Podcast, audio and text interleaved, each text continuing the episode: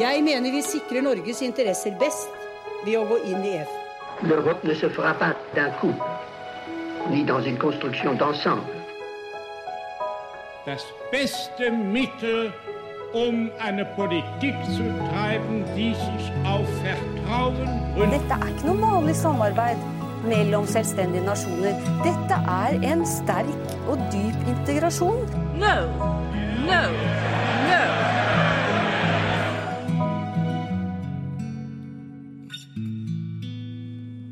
Velkommen til Det europeiske kvarter, en podkast om europeisk politikk og historie.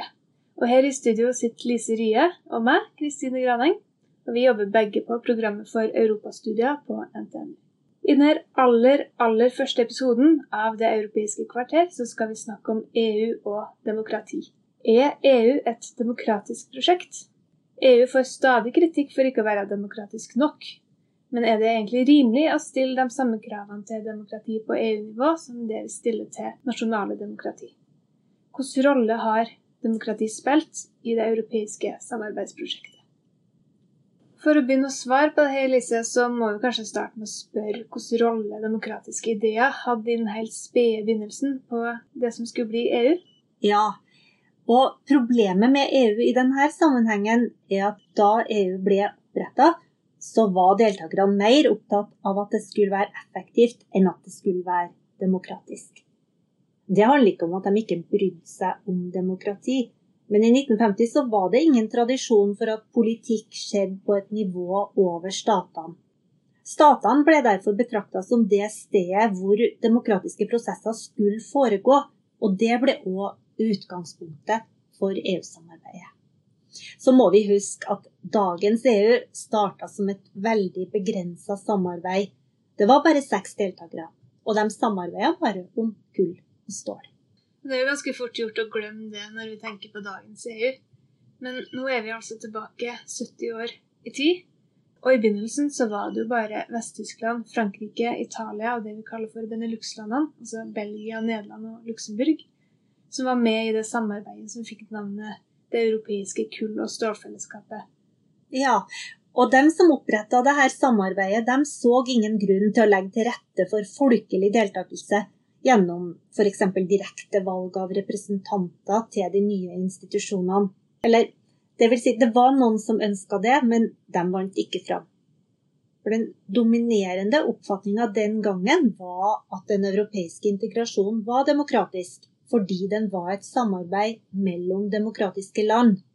Så integrasjonen henta med andre ord sin legitimitet fra de deltakende statene.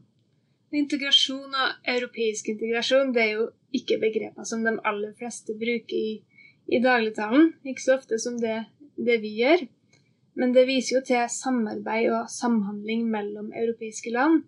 Og nå snakker vi altså om, det i form av tettere tilknytning og formelle avtaler mellom statene. Ja, det er en god definisjon.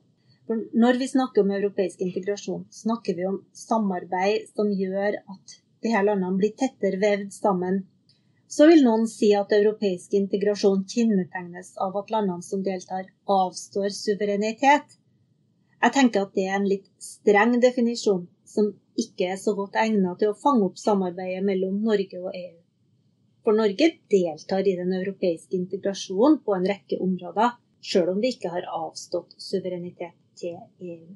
Men hvis vi går tilbake til spørsmålet ditt om hvorvidt EU er et demokratisk prosjekt, så er det sånn at de landene som oppretta EU, tok noen beslutninger som bidrar til å forklare hvorfor EU, med god grunn, oppfattes som for lite demokratisk i dag.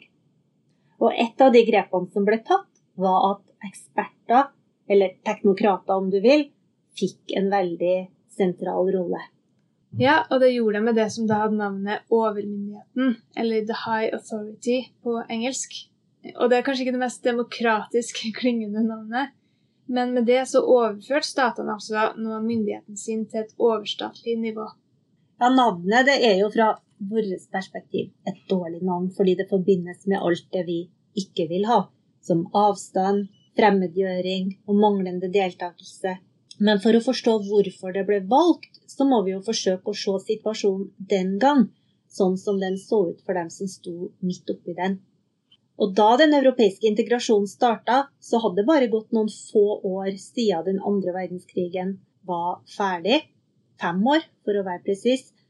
Og de som initierte dette nye samarbeidet, hadde ikke noe tro på at tradisjonelle mellomstatlige samarbeid kunne hindre krig, eller på at folket nødvendigvis ville ta de beste beslutningene. Og hvorfor ikke? Fordi de hadde andre erfaringer. I den lille kretsen av mennesker som forhandla fram det første europeiske fellesskapet, så finner vi f.eks. mennesker som hadde lang fartstid fra Folkeforbundet, som ikke hadde greid å hindre en ny krig.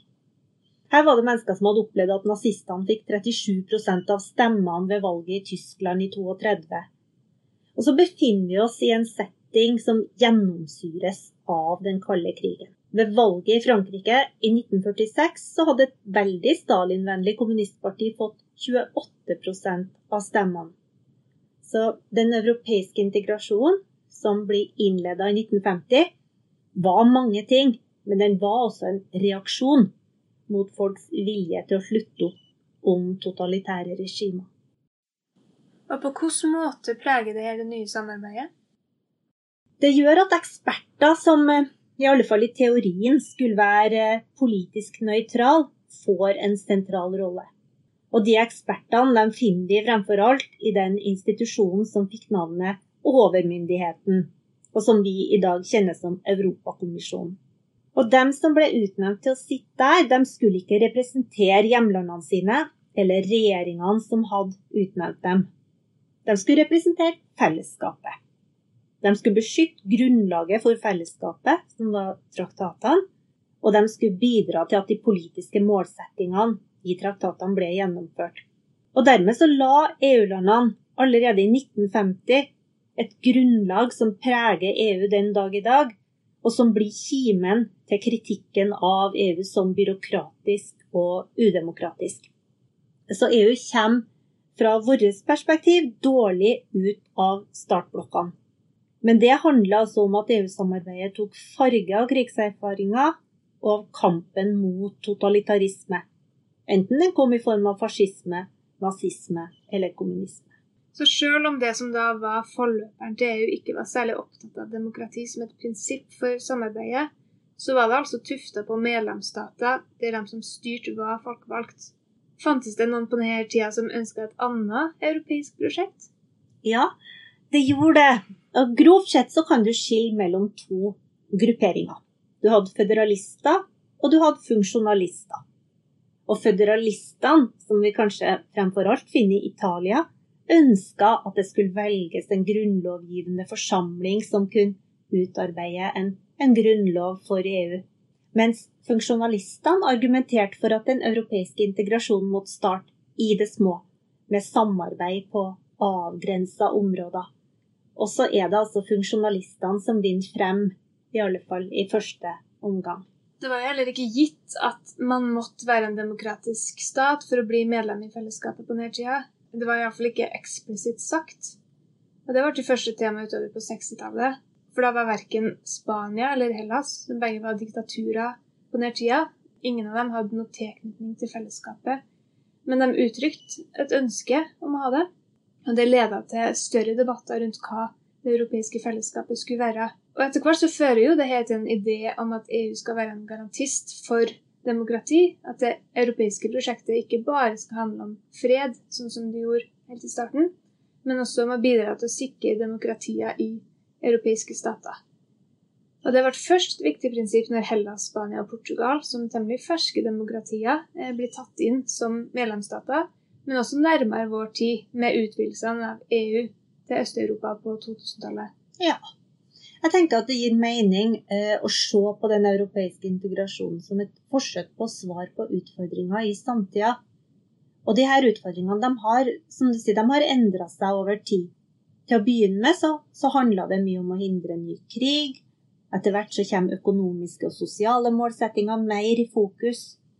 Og på 1970-tallet så blir det et viktig tema at EU også må bidra til å styrke de nye demokratiene i Sør-Europa.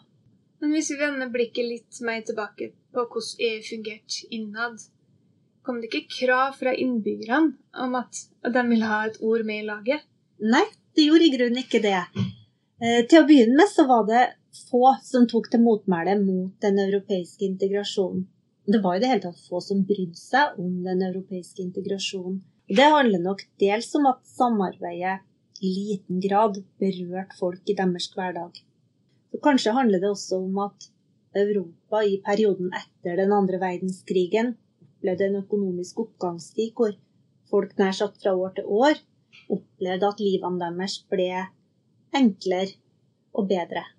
Men så skjer det jo også en utvikling på dette området. eh, For ikke veldig lenge etter at Romatraktaten blir vedtatt, slutten av 50-tallet, er det som den traktaten som tar eh, det europeiske prosjektet fra å være et ganske begrensa samarbeid, som du sa innledningsvis, til å bli et større økonomisk samarbeid. Så begynner diskusjonene om hvordan forholdet mellom institusjonene skal være. Og da er vi over på et av de andre, og fra et demokratisk perspektiv, da, heldigere grepene som EU-landene tok da samarbeidet starta. For de oppretta ei fellesforsamling. Og den fellesforsamlinga den blir etter hvert til den institusjonen som vi i dag kjenner som Europaparlamentet. Til å begynne med så var dette en ganske betydningsløs institusjon. Den var ikke folkevalgt, og den hadde ingen lovgivende makt. Så den hadde med andre ord ingenting av det vi forbinder med parlament i dag. Men det her endrer seg, og Europaparlamentet blir ganske raskt den viktigste forkjemperen vil jeg si, for et mer demokratisk EU. Så de som møtte i denne parlamentarikerforsamlinga, de var altså utsendinger fra de nasjonale parlamentene. De var ikke representanter som var direkte valgt til det europeiske nivået. Men det var kanskje andre hensyn enn det direkte demokratiske som lå til grunn for dette valget, enn det at de skulle sørge for at folket fikk en stemme. Og det er jo forskere som peker på at det var et resultat av den parlamentariske tradisjonen i, i medlemslandene, men også at det fantes tilsvarende løsninger allerede i bl.a. Europarådet, som ble oppretta noen få år tidligere. Men det var kanskje også for å markere avstand til Sovjet. Det var i alle fall nokså vanlig at det internasjonale samarbeid hadde en parlamentarikerforsamling. Europarådet hadde, som du sa, Folkeforbundet hadde hatt det. Kull- og stålfellesskapet ble utstyrt med ei sånn forsamling, og det ble òg det europeiske økonomiske fellesskapet når det ble oppretta i 1957. Og det viktigste elementet i demokratiseringa av EU har kanskje vært Europaparlamentets egen utvikling. I dag er Europaparlamentet ei direkte valgt forsamling med betydelig lovgivende makt. Og her har jo også Europaparlamentet spilt en viktig rolle sjøl, som pådriver. Ja, jeg syns det. Europaparlamentet fremstår som en ganske oppfinnsom institusjon, som griper de mulighetene som ligger i traktatene, til å utvikle sin posisjon og til å utvide sin egen makt. Et eksempel på det er jo den debatten vi var innom nettopp, om hva som skulle være kravene til nye medlemsland. Og det laga jo Europaparlamentet et rom for seg sjøl. Det var i stor grad dem som åpna debatten og, og på en måte tvinga Europakommisjonen og medlemslandene til å ta stilling til det her. Men det var jo heller ikke straka veien til mer makt for Europaparlamentet. Mm, absolutt. Jeg tenker at I den europeiske integrasjonens historie, som også strekker seg over 70 år, så ser vi hele tida en dragkamp mellom dem som ønsker sterke nasjonalstater på den ene sida, og dem som ønsker sterke fellesinstitusjoner på den andre sida. Og over tid så har det bidratt til at noen EU-institusjoner har mista makt, sånn som kommisjonen har gjort. Men det har òg bidratt til at andre institusjoner, sånn som Europaparlamentet, har blitt mye mektigere enn hva de var til å begynne med. Det er jo altså en utvikling som skjer over ganske lang tid. Det var ikke før i 1979 at Europaparlamentet for første gang ble direkte valgt, og at innbyggerne i fellesskapet fikk stemme direkte på dem som skulle representere dem inn i det europeiske prosjektet. Mm. Nei, det var ikke før i 1979. Da gikk det første valget til Europaparlamentet av stabelen, og, men med det så fikk jo Europaparlamentet en helt spesiell status i EU-systemet som den eneste folkevalgte institusjonen. Og dermed så fikk òg Europaparlamentet sitt krav om mer makt mye større tyngde enn det det hadde hatt tidligere. Hvis vi ser stort på det, så kan vi si at styrkinga av Europaparlamentet, altså det at Europaparlamentet har fått mer makt, er en konsekvens av at vi har fått mer felleseuropeisk politikk. For når makt flyttes til et europeisk nivå, så må den makta balanseres med mekanismer for kontroll og ansvarliggjøring. I hvert fall så må det være sånn i et demokrati. Og her spiller Europaparlamentet en viktig rolle. I dag så har Europaparlamentet lovgivende makt, det har budsjettmakt, og det har en viktig kontrollfunksjon. Så det er altså mye som har skjedd siden starten på det europeiske prosjektet med det europeiske kull- og stålfellesskapet på 50-tallet og fram til dagens EU. Både når det gjelder hvilken rolle demokrati spiller for EUs identitet, og hvordan måten EU fungerer på, som i dag blir i mye større grad veid opp mot demokratiske idealer. Ja. Jeg tenker det er greit å huske at EU-samarbeidet har alltid vært en trade-off mellom effektivitet og demokrati. Stater har valgt å samarbeide innenfor ramma av EU fordi de antar at de kan oppnå mer sammen med andre enn hva de kan oppnå alene. Og EU-samarbeidet er mer effektivt enn tradisjonelle mellomstatlige samarbeid. Men samtidig så har demokratiutviklinga i EU alltid vært på etterskudd. Den har kommet som en konsekvens av at myndighet har blitt flytta fra det nasjonale nivået til det europeiske nivået og som et svar på behovet for demokratisk kontroll med overstatlig politikk. EU og demokrati det er jo et skikkelig stort tema, eh, og det er mye det går an å se nærmere på. Både på hva som har skjedd opp gjennom historien, på utviklinga, og hva som står i veien for å utvikle det videre.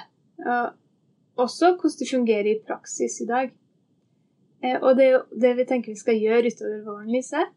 Vi skal se nærmere på EU og demokrati, og vi skal også komme inn på hvilken rolle Norge spiller i dette bildet. Det skal vi, helt klart.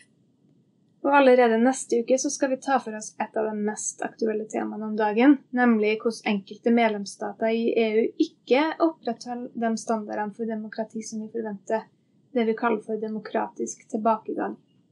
Inntil da så vil vi tipse om at vi har ei Facebook-side. Dere finner oss der under Det europeiske kvarter. Og Der vil vi dele nye episoder, men også annet materiale i tilknytning til de temaene vi snakker om. Ellers så håper vi selvsagt at dere vil følge oss der dere hører på podkast, og del gjerne også podkasten med venner og bekjente.